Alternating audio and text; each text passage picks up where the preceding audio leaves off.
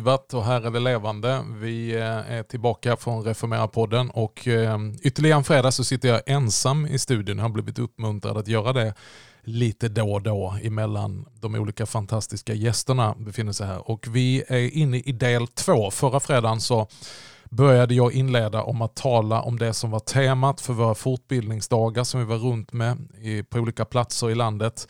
Där vi talade om en levande kyrka. Och vi ställde frågan, vad är en levande kyrka och vad gör kyrkan levande? Och eh, jag skulle vilja ta med er in i detta vi började förra fredagen. Så har du inte fått med dig det avsnittet så rekommenderar jag dig att lyssna på det avsnittet först så du kommer in i det här avsnittet som är någon slags del två på det vi började förra fredagen. Om vad är en levande kyrka och vad gör kyrkan levande? Utifrån första Petrusbrevet kapitel 2 vers 1-10 så försöker vi utifrån den begränsade delen av skriften hitta eh, vad vi kallar det för doften av liv. Livsyttringar, kännetecken på en levande kyrka som inte har med ytliga uttryckssätt att göra eller former eller stil eh, Eh, stereotyper som vi ibland kan hamna i när vi ska beskriva en levande kyrka utan mer grundfundament. Och Vi talade där utifrån eh, Petrusbrevet att det är inte skrivet in i ett sammanhang till kristna gemenskaper som har de bästa omständigheterna. Utan Petrus adresserar eh, eh kristna gemenskaper som lever på flykt under förföljelse, som är förskingrade, som är marginaliserade, som lever under förtryck. Men ändå så kan vi känna doften av liv. De är i allra högsta grad levande trots att de är lidande. Och vi talade förra fredagen om, eh, bara inledningsvis, två stycken förutsättningar vad som gör en kyrka levande och vad som är tecken på en levande kyrka. Vi talade om en levande Jesus eh, och vi talade om levande kristna. Och eh, vad är då levande kristna? Det var en fråga som vi ställde i slutet av eh, förra programmet. För det är ju onekligen så att vi kan få lite förutfattade meningar och tänka att ja, okej, okay, när Magnus Persson talar om levande kristna då tänker han lite så här eller si eller så. Men levande kristna de kännetecknas av, och då kommer jag till mitt tredje kännetecken här nu då på en levande kyrka. Att man har en levande erfarenhet av Guds godhet och barmhärtighet. En levande erfarenhet av Guds godhet och barmhärtighet. Petrus han säger i andra kapitlets tredje vers, ni har ju fått smaka Herrens godhet. Alltså här finns en erfarenhet av Guds godhet. Här finns en erfarenhet av mötet med Jesus. Man har fått smakat och sett att Herren är god som psalmisten uppmanar oss att göra. Men han fortsätter att beskriva den erfarenheten av Guds godhet och barmhärtighet när han talar till, till dem och, och, och beskriver att han har ju kallat er från mörkret till sitt underbara ljus. Ni som förut inte hade funnit någon barmhärtighet har nu funnit barmhärtighet. Ni som förut inte var ett folk, ni är nu Guds folk. Alltså här finns en väldigt tydlig koppling från Petrus till ett förr och till ett nu. Här finns en erfarenhet av tron, inte bara ett teoretiskt försanthållande utan en praktisk erfarenhet av Guds godhet och barmhärtighet och vad den har gjort med dem. En levande tro skulle man kunna kalla det för. Alltså levande kristna bärs av en levande tro som också eh, upphöjer, eller ska man säga uppgraderar ehm, det rent erfarenhetsmässiga. Vi lever i en tid då vi väldigt starkt betonar det kunskapsmässiga. Jag är väldigt tacksam för i den Eh, teologiska och kyrkliga resa jag har gjort att jag får vila i vissheten. Eh, att jag är bättre rotad idag som både kristen och som en, en förkunnare att jag på ett helt annat sätt får vara viss om eh, Guds existens, eh, syndernas förlåtelse, att Gud är med mig, att Gud eh, tar hand om mig utan att koppla det till mina upplevelser, känslor eller brist på känslor eller erfarenheter. Utan det finns en objektiv eh, tro som har räckts mig. Där jag inte är utlämnad till mitt tillfälliga tillstånd. Men när det är sagt så är jag också väldigt tacksam att jag har blivit fostrad i en kristen tradition som eh, har gett utrymme för att göra erfarenheter av Gud. Att göra upplevelser tillsammans med Gud. Att få erfara och smaka och se att Herren är god.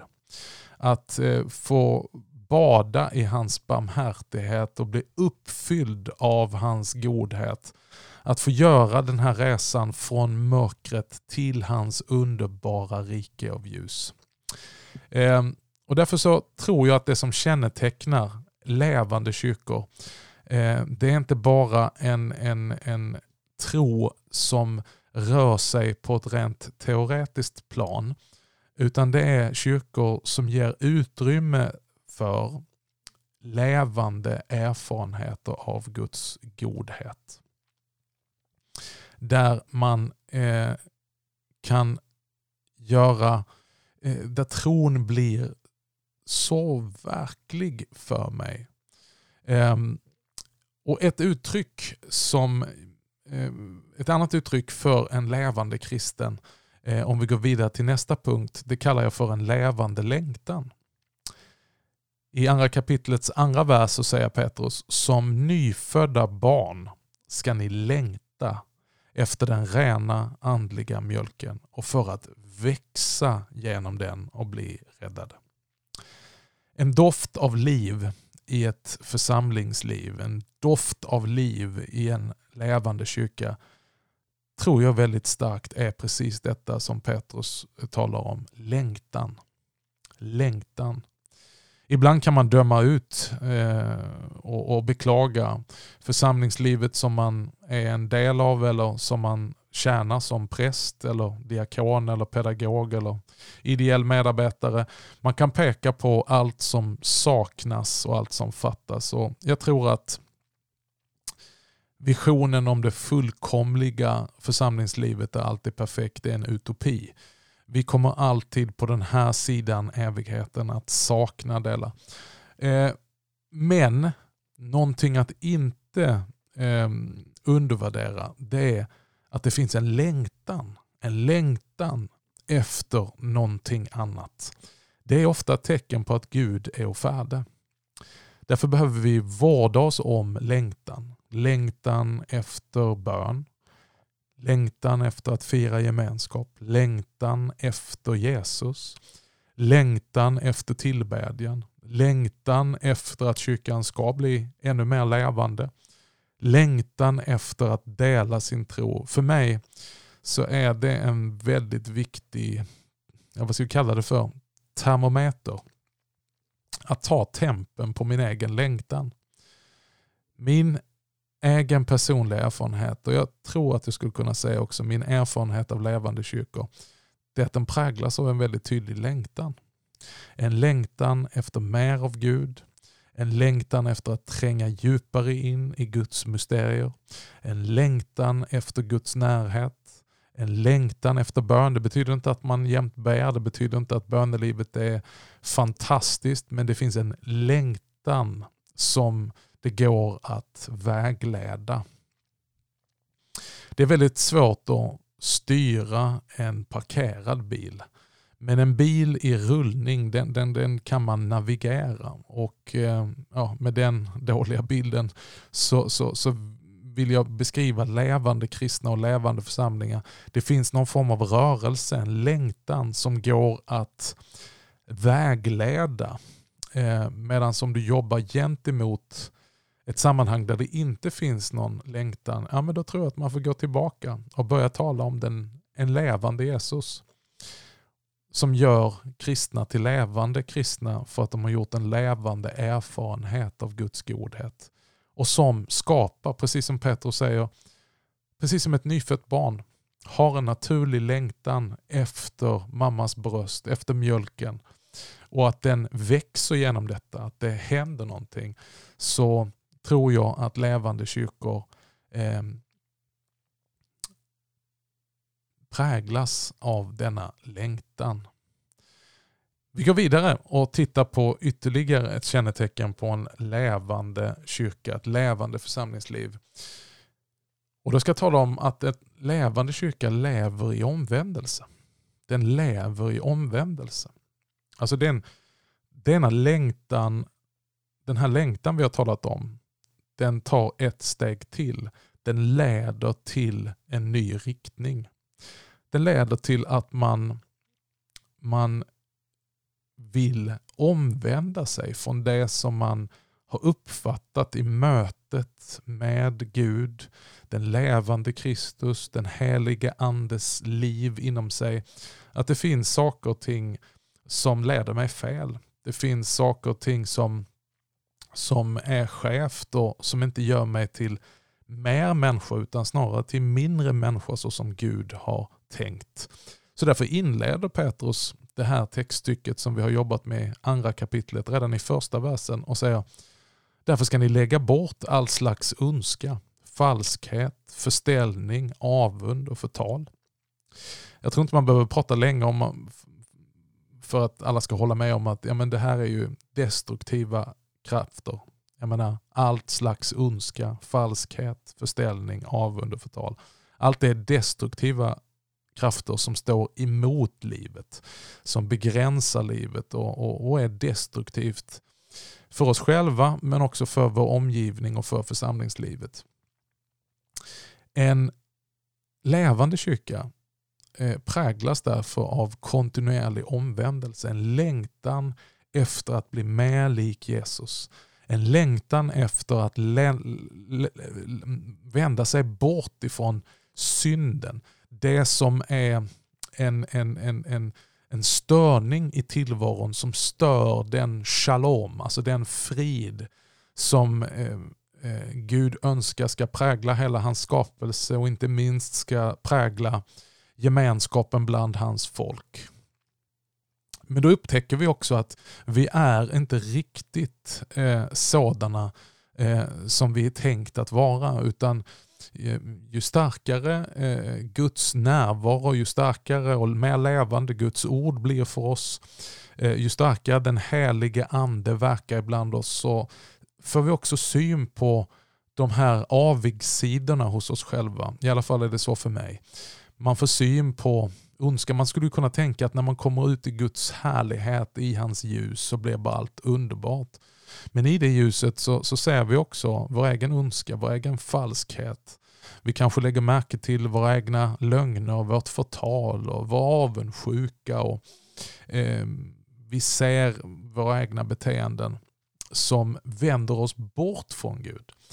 Men levande kyrkor präglas av en längtan att vända sig till Gud och därför leva i omvändelse. Omvändelse har ju ett dåligt rykte i vår tid. Och naturligtvis eh, så, så, så det kan vara klurigt, skriver jag i min nya bok, eh, att tala om omvändelse. För det kan låta som att man moraliserar. Det kan bli väldigt lagiskt. Eh, därför så måste det här livet i omvändelse föregås med ett möte med den levande Jesus. En levande erfarenhet av Guds barmhärtighet och en längtan efter mer av Jesus som naturligt då leder till omvändelse. Jag tror inte att omvändelse det är ett svårt ord eller någonting som man är obekant med om man lever i en levande kyrka. Oavsett form, oavsett tradition så tror jag det kännetecknar kyrkan genom alla tider. Eh, det betyder inte att vi är helgade till fullkomlighet utan tvärtom omvändelse det behövs och det inser vi när vi inser att vi är rättfärdiga men syndare. Eh, alltså simul justus et peccator. Eh, fullt accepterade, älskade och förklarade rättfärdiga sådana som vi är i Kristus men fortfarande syndiga. Och Den naturliga förlängningen på att vi längtar efter Jesus det är att vi också söker omvändelse. Därför tror jag att kännetecken på en levande kyrka det är att eh, bikt, själavård, andlig vägledning, eh, talet om omvändelse, det ökar och är kännetecknande.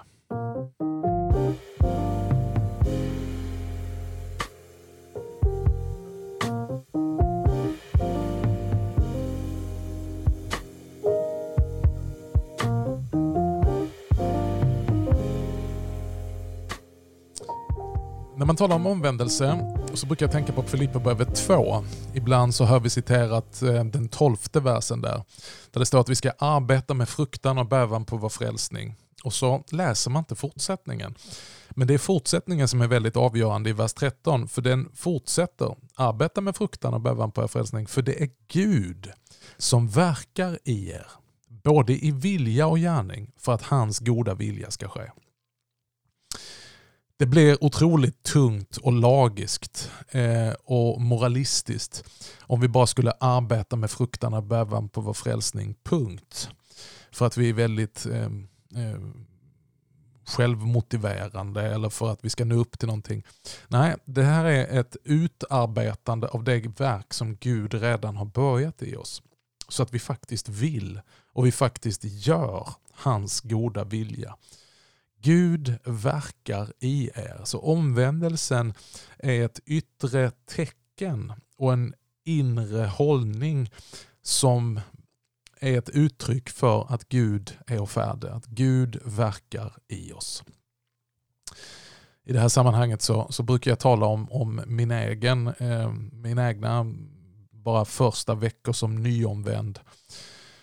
Eh, och hur det präglade mig att någonting, att jag hade gjort en levande erfarenhet av Guds godhet och Guds barmhärtighet. Och jag hade en sån här ostoppbar längtan efter mer av Gud.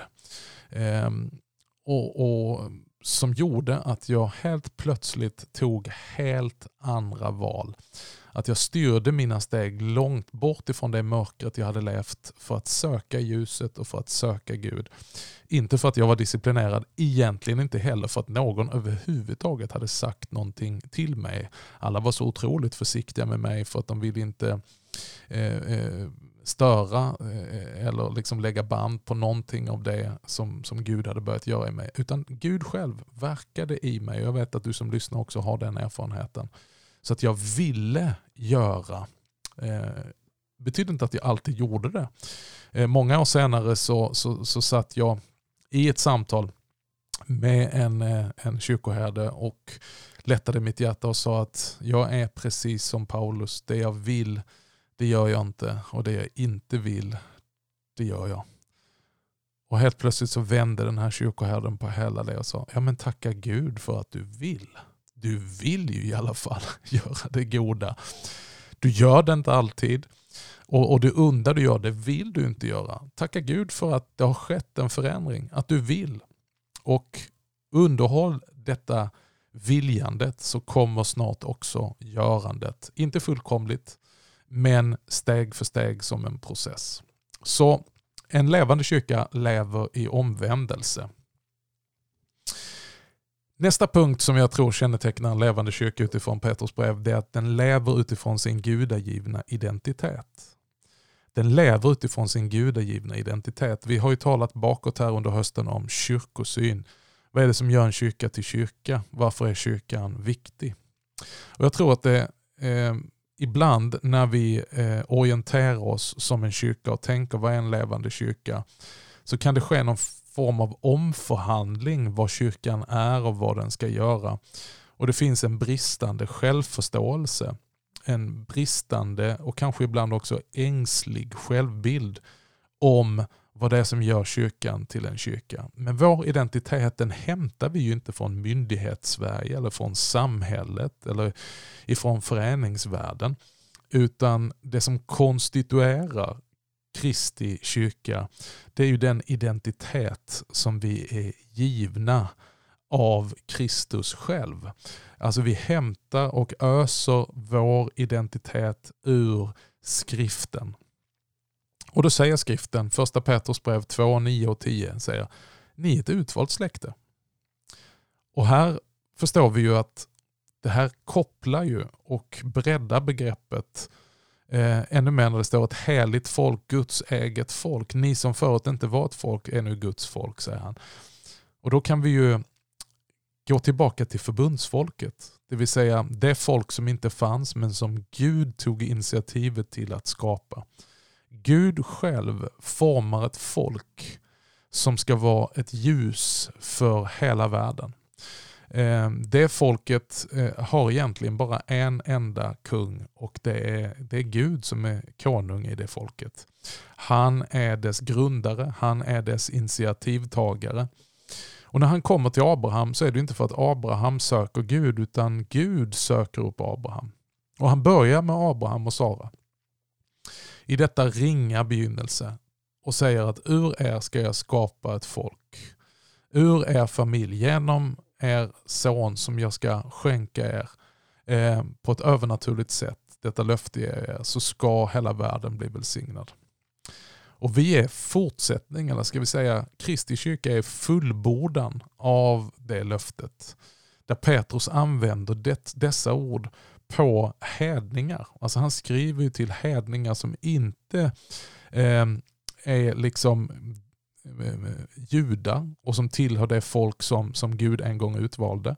Men som har blivit inympade, som Paulus talar om i Romarbrevet, i det här folket det här folket har utvidgats. Att genom Kristus, eh, när vi är, som vi talade om innan, grenar i vinstocken, så är vi en del av Guds eget folk. Och det folket är ett utvalt släkte, ett heligt folk. Här hämtar vi vår identitet, att kyrkan den är inte eh, den hämtar inte sin identitet utifrån någon bara liksom allmän organisationsförståelse. Och jag tror att när vi tappar vår identitet så tappar vi också vårt uppdrag och vår kärnverksamhet. En levande kyrka lever i detta. Petrus hälsar dem redan i inledningen av sitt brev i andra versen i första kapitlet och säger att ni är utvalda enligt Guds, vår faders plan. Ni är helgade av anden och bestämda till lydnad och rening i Jesu Kristi blod. Eh, och byggt på det så säger han också sen i sista kapitlet, i femte kapitlet, böj er därför under Guds starka hand så ska han upphöja er när tiden är inne. Så varför vi böjer oss under Guds hand och varför vi följer Guds rådslut och varför vi ehm, uppfattar oss själva på ett speciellt sätt det är för att vi har rotat vår identitet och vår självförståelse utifrån det som är skriftens vittnesbörd om kyrkan. Det som är den långa kyrkans tradition av vad kyrka är. Vi gör alltså inte någonting nytt. Vi är bara förvaltare av en tradition. Vi är inte uppfinnare av någonting nytt och tänker att för den här tiden så behövs det en ny identitet utan tvärtom så gör vi vår identitet ännu mer fast. Vår kallelse och vår utkorelse fast. Professor emeritus i kyrkovetenskap Sven-Erik Brodd han har i boken Dop och kyrkotillhörighet enligt Svenska kyrkans ordning talat om detta med kyrkosyn. Och han skriver, jag citerar. En inre sekularisering av kyrkan innebär att sekulära ideologier formar kyrkan och präglar kyrkans självförståelse. Och så fortsätter han. Kyrkans uppdrag det är primärt teologiskt motiverat. Och det utgår ifrån en reglerande och normerande religiös urkund, bibel och bekännelseskrifter som gör anspråk på historisk och universell sanning, en sanning som inte kan omförhandlas. Ett företag däremot, säger han, är per definition en sekulär företeelse. Dess yttersta syfte och vinst ska primärt vara monetärt. En kyrka är per definition de heliga samfund. Dess yttersta syfte är att inbjuda till, främja och fördjupa en personlig tro på en Gud. Ehm, och Jag tycker detta är väldigt aktuellt, även om det är skrivet av Brodd 1978 så är det ju precis det vi kämpar med idag. Det vill säga en bristande identitet som ehm, har gjort att en inre sekularisering har gjort att sekulära ideologier har börjat forma kyrkans självförståelse. Vi behöver tillbaka till vår urkund. Vi behöver tillbaka till vårt ursprung. Det handlar inte om att göra kyrkan till mindre kyrka utan snarare mer bli den hon redan är. Det är utmaningen för kyrkan idag och att slå fast sin identitet. Sin unika identitet som Guds utvalda folk, ett heligt folk, ett avskilt folk som kan förkunna hans väldiga gärningar.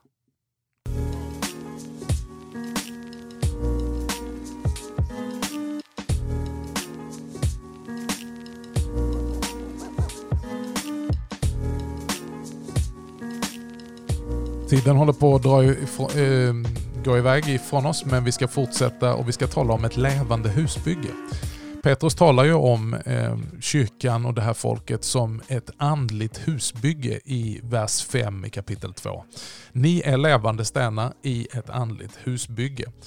Eh, jag vet inte hur det är med dig om du har levt under renovering eller under bygge. Eh, men det är bökigt och det är stökigt. När någonting växer, när någonting utvecklas, när någonting byggs om så kan man ju vara väldigt inspirerad när man ska börja bygga men en bit in i bygget så kan man säkert bli frustrerad. Varför det? Det är svårt att hålla rent. Det är stökigt, det är bökigt. Man, man, man, man, man känner liksom att vardagen kanske har blivit svårare att hantera och det är rörigt. Därför så tror jag att varje levande kyrka har liksom någon sorts skylt uppe där det står ursäkta röran, bygge pågår.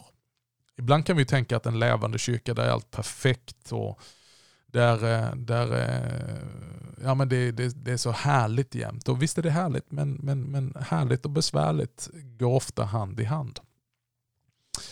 Ehm, jag lever i en stad som har gjort en fantastisk resa från eh, att eh, varit väldigt eh, präglad av nedläggningar och ehm, någon form av mörker har utvecklats, det är Malmö jag talar om. Sedan eh, millennieskiftet eh, och byggandet av Öresundsbron, Turning Torso, Eh, byggandet av ett universitet, så har Malmö varit stad i ständig tillväxt men också i ständig förändring. Tillväxt och allt det här nya som är härligt med Malmö har också en baksida. Eh, och det är att det jämt är lyftkranar och byggkranar. Det är jämt avstängda gator. Eh, det är jämt bygge pågår. Det är stökigt på det viset att leva i Malmö. Det finns stora utmaningar med att Malmö växer. Eh, jag tänker att ibland så ska vi tänka på en levande kyrka så att det är, det är stökigt. Det är ett tecken på en levande kyrka. Ursäkta röran, bygget pågår. Det finns mycket eh, som, som eh, vi skulle kunna säga om detta. Men låt oss då inte bara tänka på hus. När, när, när, när Petrus använder ordet husbygge så syftar han inte på sten och murbruk och, och, och själva kyrkobyggnaden. Utan han talar ju om ett hushåll mycket mer. Alltså en familj, en gemenskap som håller på att skapas. Och eh, en familj som växer, en familj full av små barn, det vet vi också att där, där, där får man kanske prioritera annorlunda. Här är livsvärden väldigt produktiv och eh, närvarande medan systemvärden kanske inte riktigt hänger med. Och livsvärden den, den eh, utmana utmanar lite systemvärlden och man får prioritera annorlunda. Det är kanske eh, inte välstädat, det är kanske lite smutsigt, det är kanske lite stökigt och massa oljud och högljutt. Men det finns liv. Och Det här kan ju utmana gemenskapen, det kan utmana familjelivet och så är det också med församlingslivet. Därför så säger Petrus rakt in i detta hushåll som är stökigt och bökigt och som innehåller allt fler människor att vi behöver därför vara noga med att vi ska älska varandra hängivet. Jag läser från fjärde kapitlet i hans första brev, vers 8 och 10. För att kärleken gör att många synder blir förlåtna. Var därför gästfria mot varandra, utan att knota. Tjäna varandra, var och en med den nådegåva han har fått som goda förvaltare av Guds nåd i dessa många former. Alltså gästfrihet, tjänande och kärlek behövs eh, i, ett, i en levande kyrka och är kännetecken på att mitt i detta stöket så behöver vi mer av kärlek, mer av gästfrihet, mer av tjänande. Vi börjar närma oss slutet på det här avsnittet och jag vill också nämna att kännetecken på en levande kyrka det är levande kristna som lever i överlåtelse och offrande. Också ett sånt där ord precis som omvändelse som inte är jättepopulärt idag. Petrus säger i andra kapitlet, vers 5, ni blir ett heligt prästerskap som frambär andliga offer som Gud vill ta emot tack vare Jesus Kristus. Jag tror att en levande kyrka präglas av levande kristna som har gjort ett möte med en levande Jesus och har en levande erfarenhet av hans godhet och barmhärtighet och därför längtar efter mer av Guds rike, mer av Guds närvaro och lever därför i omvändelse men lever också på ett sätt så att man tar och frambär den man är och det man har som en gåva till Gud. Man eh, betraktar sig själv på ett annorlunda sätt och säger att ingenting av det jag är eller har äger jag, utan jag är bara en förvaltare. Allting kommer ifrån Gud. Allting är till genom honom och allting är till för honom, som Romarbrevet 11 säger. Eh, därför så eh, bär man fram och överlåter både det som vi skulle kunna kalla för talanger, tillgångar och inte minst tid. Eh, det, det, det, det bär man fram och är redo att tjäna Gud med. Alltså man skulle kunna säga att här finns ett starkt ideellt engagemang där man eh, är beredd att offra sin tid.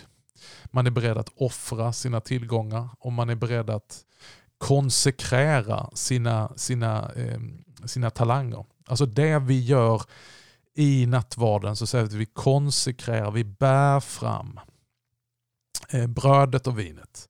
Det som är ett resultat av eh, jordens växter och människors arbete. Det bär vi fram och vi lägger det på altaret eh, och eh, vi konsekrerar det. Alltså vi avskiljer det, vi nedkallar Ehm, ehm, i epikläsen den heliga ande över både oss själva och över brödet och vinet. Och Gud tar detta i anspråk och genom bröd och vin så skänker han sig själv till oss, hans kropp och hans blod. Och På samma sätt så bör vi betrakta oss själva, att vi konsekrerar oss själva, vi överlåter och offrar oss själva, vi frambär oss själva till Gud som Paulus säger i Romarbrevet 12 och 1. Han säger, därför ber jag er vid Guds barmhärtighet att frambära er själva, alltså hela jaget, vår kropp, vår liv, våra tillgångar, vår tid som ett levande och heligt offer som behagar Gud. Detta ska vara er andliga gudstjänst. Alltså, detta är, eh, det, är det, det är det rimliga i en levande kyrka. Så en levande kyrka kännetecknas av människor som frambär sig själva, allt man har, allt man gör, allt man är, allt man kan och ställer det till Guds förfogande. Jag tror också att ett kännetecken det är en levande förkunnelse. Vers 9 så säger Petrus, ni är Guds eget folk som ska förkunna hans storverk. Man kan känna doften av liv men man kan också höra när man lyssnar till en kyrka. Eh, kännetecken på en levande kyrka det är att den är upptagen med att förkunna hans storverk. Inte våra storverk, inte vad vi ska göra för Gud, utan vad Gud har gjort för oss i Kristus Jesus. Det är märkt av evangeliets förkunnelse. Hans storverk är Kristus Jesus som har blivit människa, tagit vår plats, levt vårt liv, uppfyllt lagen i vårt ställe, lidit, dött och blivit begraven i vårt ställe och för vår skull och vår frälsnings skull uppstått igen ifrån de döda, besegrat Satan, synden och döden. En levande förkunnelse, en förkunnelse som ständigt pekar oss på Jesus och säger se på Jesus, trons upphovsman och fullkomnare. Det är eh, Guds härliga gärningar, det är Guds storverk det finns i Kristus. Så därför så säger Petrus också i kapitel 5, vers 11, den som talar ska komma ihåg att han får sina ord från Gud. Och därför låt Gud förhärligas i allt. Detta genom Jesus Kristus. För det är han som är härligheten och makten och e-, i evigheters evighet. Amen. Första Petrus brev 5 och 11. En mystiker som levde i begynnelsen av 1900-talet, Hjalmar Ekström, han poängterade detta eh, i hans bok Hjälplöshetens evangelium på sidan 71 och 71 och 74 så kan man läsa Guds ordets liv i människans hjärta och att människans hjärta blir levande gjort i Guds ordet. Det är på detta allt kommer an. Ehm, så att vi tror att tro kommer av predikan och predikan i kraft av Kristi ord. Därför så är levande förkunnelse om en levande uppstånden Jesus Kristus en förutsättning för levande församlingar. Eh, sist men inte minst så tror jag att ett viktigt kännetecken för en levande kyrka det är vad Petrus nämner redan i första kapitlet när han talar om de som har gått före. Och Jag skulle vilja kalla det att en levande kyrka lever för något större än sig själv. Petrus skriver i kapitel 1, vers 12. Det uppenbarades för dem, vem då? Jo, profeterna, de som hade gått före och talat om detta. Att det inte var sig själva utan er som de tjänade med sitt budskap. De Petrus nu skriver till är resultatet av att någon har gått före, föregångare, profeterna, gudsfolket, som har profeterat och talat ett budskap som de aldrig själva fick se förverkligat. Men de tjänade inte sig själva, utan de levde för och tjänade en generation som skulle komma. En verklighet som skulle uppenbaras i Kristus Jesus och det som är kyrkans tidsålder. Jag tror detta är kännetecknande för en levande kyrka. Att man tänker inte bara på mig, mitt och mina.